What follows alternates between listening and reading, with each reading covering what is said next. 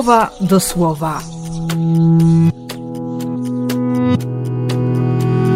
Rozważania księdza Grzegorza Mączki.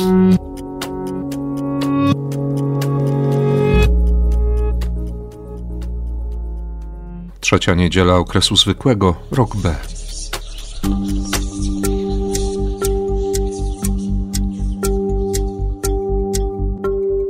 Z księgi Jonasza. Po raz drugi przybyło słowo od Pana do Jonasza i rzekło: Zbieraj się natychmiast i idź do Niniwy.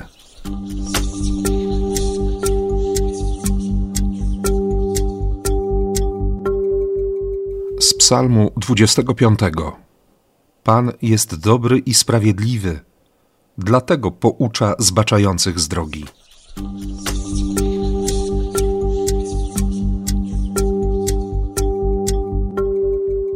Z pierwszego listu do Koryntian. Mówię, bracia, czas jest ograniczony.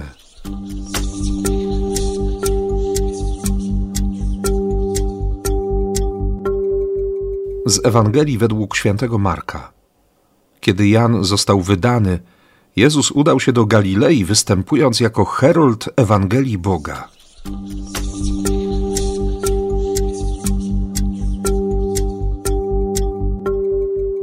Siostry i bracia, od pięciu lat przeżywamy trzecią niedzielę okresu zwykłego jako niedzielę Słowa Bożego. Papież Franciszek w liście apostolskim ogłoszonym 30 września 2019 roku w święto świętego Hieronima zachęcił cały Kościół, by w tę niedzielę w szczególny sposób celebrować, studiować i rozpowszechniać Słowo Boże. List apostolski wydany przez papieża otwiera słowo z Apokalipsy. Oto Pan stoi u drzwi i kołacze.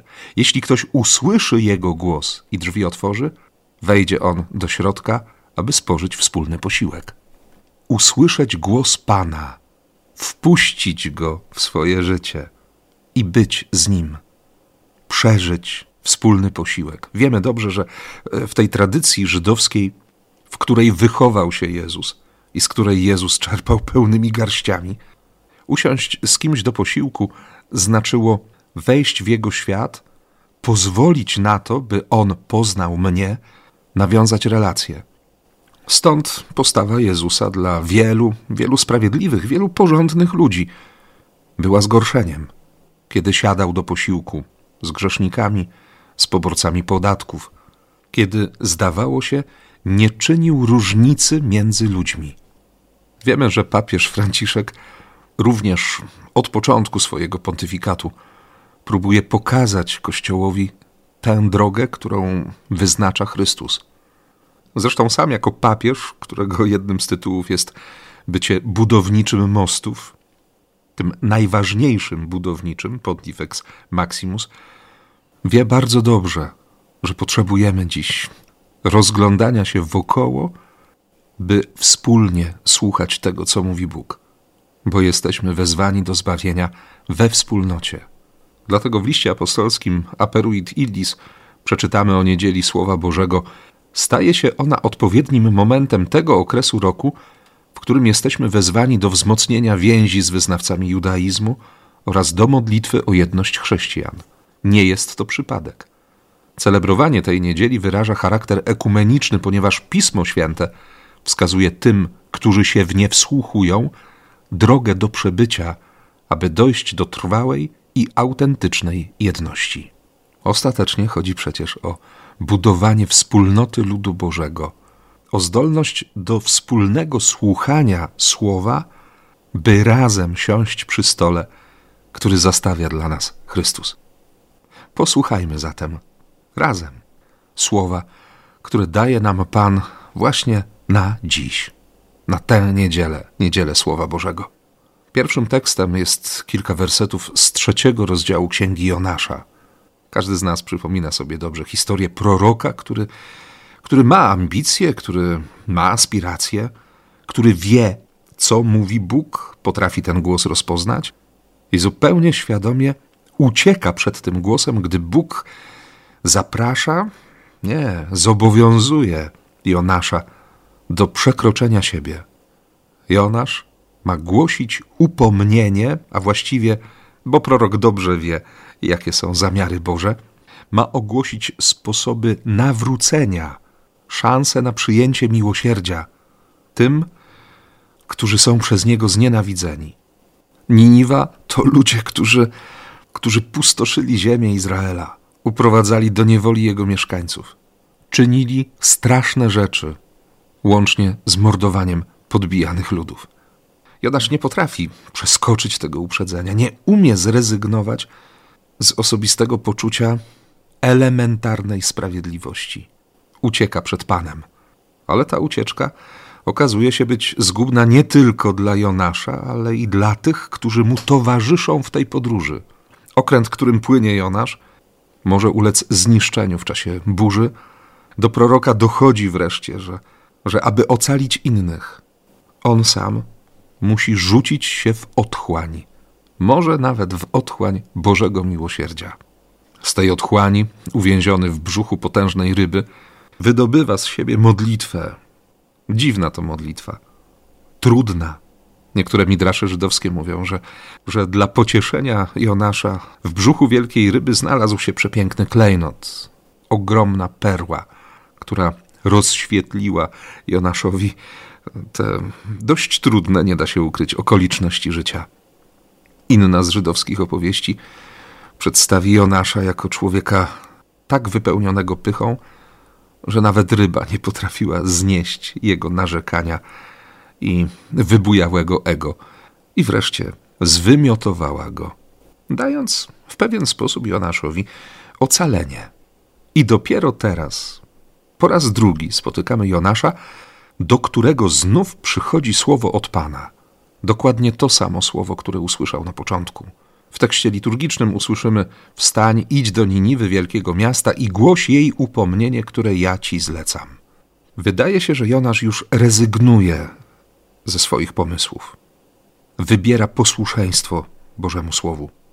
Ale jeśli dobrze się przyjrzeć, to prorok, wchodząc do Niniwy, zaczyna po niej wędrować i z ogromnym oporem, przemierzając ulice, zaglądając pewnie w rozmaite załuki, siadając co chwilę na jakimś kamieniu lub na progach domów, ma do przekazania tylko jedno zdanie. Za czterdzieści dni Niniwa legnie w gruzach.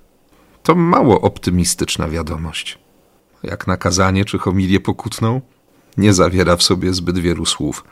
Pewnie dziś takie głoszenie większość z nas potraktowałaby z przymrużeniem oka i, i nawet nie zwróciła uwagi na człowieka, który wypowiada takie słowa i od którego bije ta wewnętrzna niechęć do słuchających. A jednak reakcją mieszkańców Niniwy jest wiara. Nawet słabość głosiciela Słowa Bożego, jego nieumiejętność nie ograniczy mocy, jaką niesie w sobie to, co mówi Bóg. Słowo, które dla nas dziś, po doświadczeniu przyjścia Jezusa Chrystusa i, i doświadczeniu dwóch tysięcy lat istnienia Kościoła, słowo, które jest osobą, słowo, które nawiązuje relacje ze słuchaczem. To słowo, jak zaznaczy prorok Izajasz, nie jest bezsilne.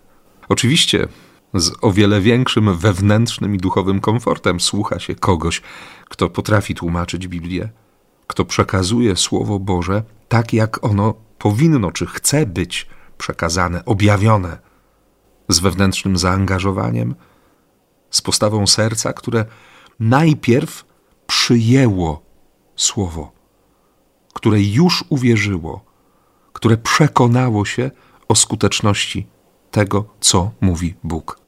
Serce, które dało zgodę, by słowo zmieniło życie człowieka, by słowo zmieniło moje życie. Tym niemniej nie wolno zapominać, że Ewangelia, że Biblia niesie w sobie, ma w sobie taką siłę, taką moc, która wymyka się naszemu poznaniu, naszemu rozumieniu, i właśnie ta siła, ta moc jest zdolna zmienić ludzkie życie.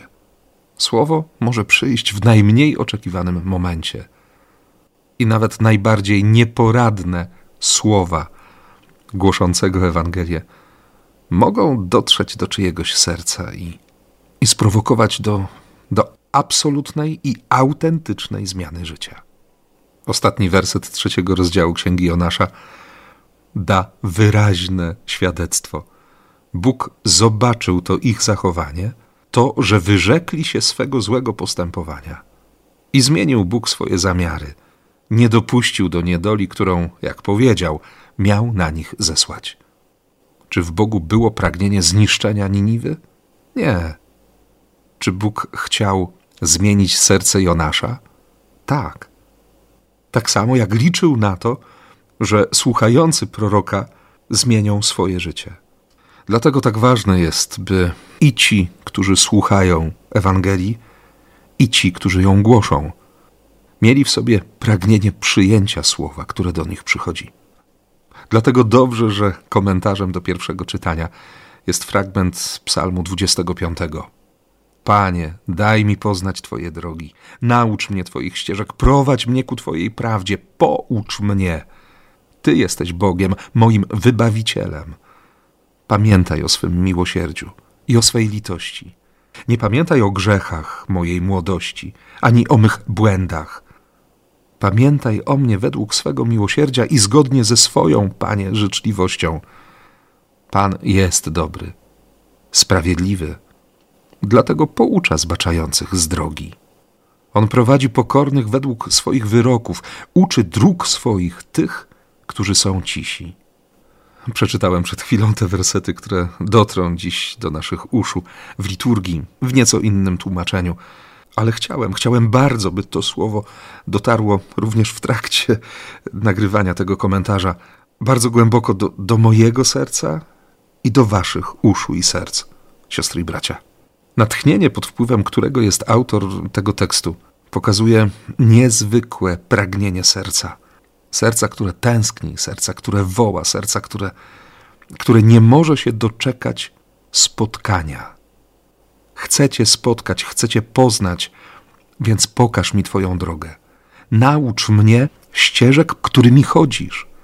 Chcę rozpoznać Ciebie, chcę, chcę wiedzieć o Twoich zwyczajach, chcę kochać. Pokaż mi Twój punkt widzenia.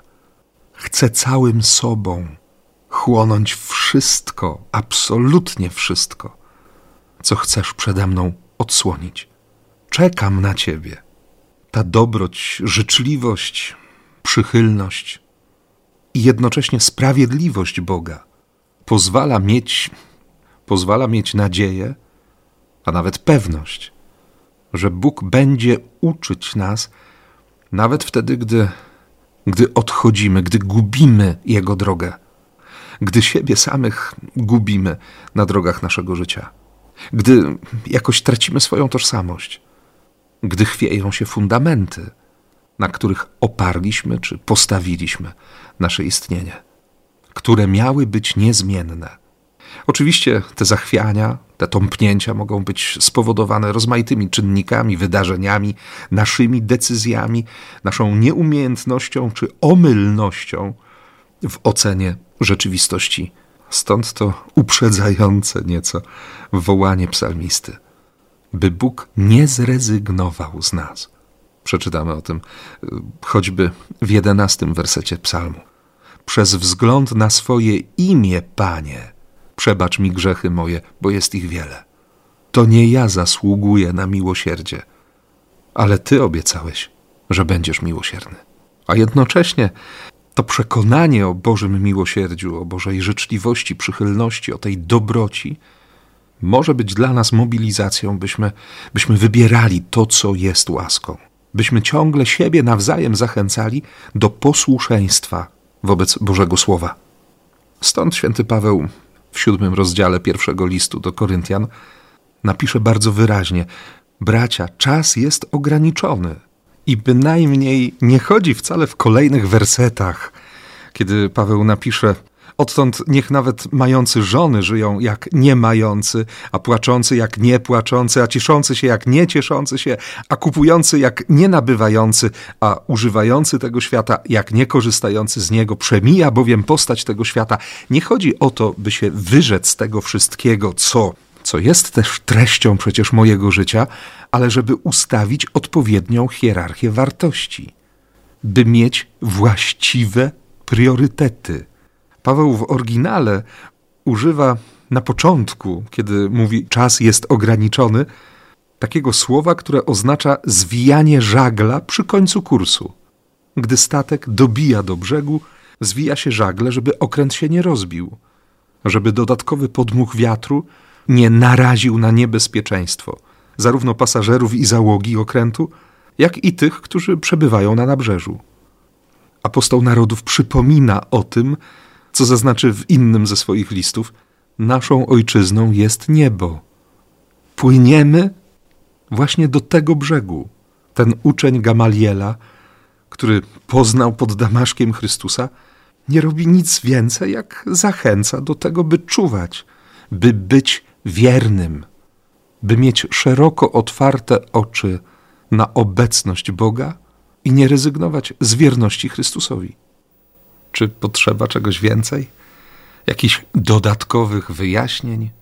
Słowo jest tak oczywiste, tak konkretne, ale nie ośmielę się powiedzieć, że tak proste.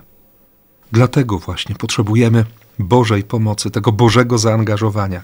Dlatego dzieje się to, co, to, co przedstawia nam święty Marek w Ewangelii.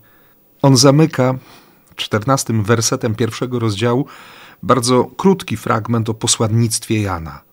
Kończy się ten czas pierwszego przymierza. Jan, jako ostatni z proroków, zwiastuje bliskość Mesjasza, jest świadkiem nad Jordanem objawienia Chrystusa, a właściwie uwiarygodnienia Jezusa przez Ojca Niebieskiego. Później przeczytamy w 12 i 13 wersecie, że, że Duch Święty, Duch Boga odwołał, właściwie wygonił Chrystusa na pustynię. Tam Jezus zmaga się z pokusami, z demonami, jest otoczony przez bestie. Jednocześnie przychodzą aniołowie, którzy go pocieszają, którzy w nim umacniają też tę świadomość: jestem synem, jestem umiłowanym dzieckiem. Jan zostaje uwięziony i Jezus wraca do Galilei. Jak to pięknie przetłumaczy nam Biblia pierwszego Kościoła, to tłumaczenie księdza profesora Popowskiego. Jezus występuje jako herold Ewangelii Boga. Czas się wypełnił, blisko jest Królestwo Boże. Nawracajcie się, wierzcie tej radosnej nowinie. Święty Marek, o czym dobrze wiemy, nie musi używać wielu słów. Przekazuje to, co najistotniejsze, samą esencję. Wiemy przecież, że ta Ewangelia została napisana e, tak, by móc ją przeczytać jednej nocy. Prawdopodobnie święty Marek spisał kazanie świętego Piotra i później właśnie to kazanie, ta Ewangelia, ta najlepsza i radosna wiadomość o Jezusie Chrystusie była przekazywana katechumenom w czasie przygotowania do doświadczenia Paschy, nowej Paschy, Paschy Chrystusa, do przyjęcia chrztu. Jedna noc, by usłyszeć słowo, które zmienia moje życie. Z Ewangelii według świętego Jana, o czym słyszeliśmy całkiem niedawno, wystarczyła jedna noc rozmowy z Jezusem, by Andrzej, brat Szymona, pobiegł po swojego brata, bo, bo było pewne, że, że Szymon musi poznać Jezusa, że nie może przeżyć kolejnego dnia bez spotkania z Chrystusem. Czy nam wystarcza jedna noc słuchania Słowa Bożego? Czy poświęciliśmy kiedyś noc, by słuchać Boga, by przeczytać Ewangelię świętego Marka? Warto spróbować. Naprawdę gorąco zachęcam bo Jezus zawsze ma do ogłoszenia najlepszą wiadomość. On pokazuje królestwo niebios. On pokazuje bliskość Boga. Bazilea tuteu, królestwo Boże. To spotkanie ze Słowem, ośmielę się nawet powiedzieć, konfrontacja ze Słowem Bożym, naprawdę może zmienić nasze myślenie. Wezwanie Jezusa, nawracajcie się to właśnie to, metanojetę. Zmieniajcie myślenie, myślcie inaczej. Myślcie inaczej o Bogu, myślcie inaczej o sobie, myślcie inaczej o innych. Uwierzcie tej radosnej nowinie. I chwilę później, jakby na potwierdzenie tego słowa, Jezus idzie granicą jeziora galilejskiego. Wiemy, że ten brzeg to nie tylko miejsce oddzielenia lądu od wody, ale to też często granice naszego życia, naszego rozumienia, naszego pojmowania, naszej cierpliwości, naszej wytrzymałości. Zobaczył pewnie po raz kolejny Szymona i Andrzeja, potem Jakuba i Jana.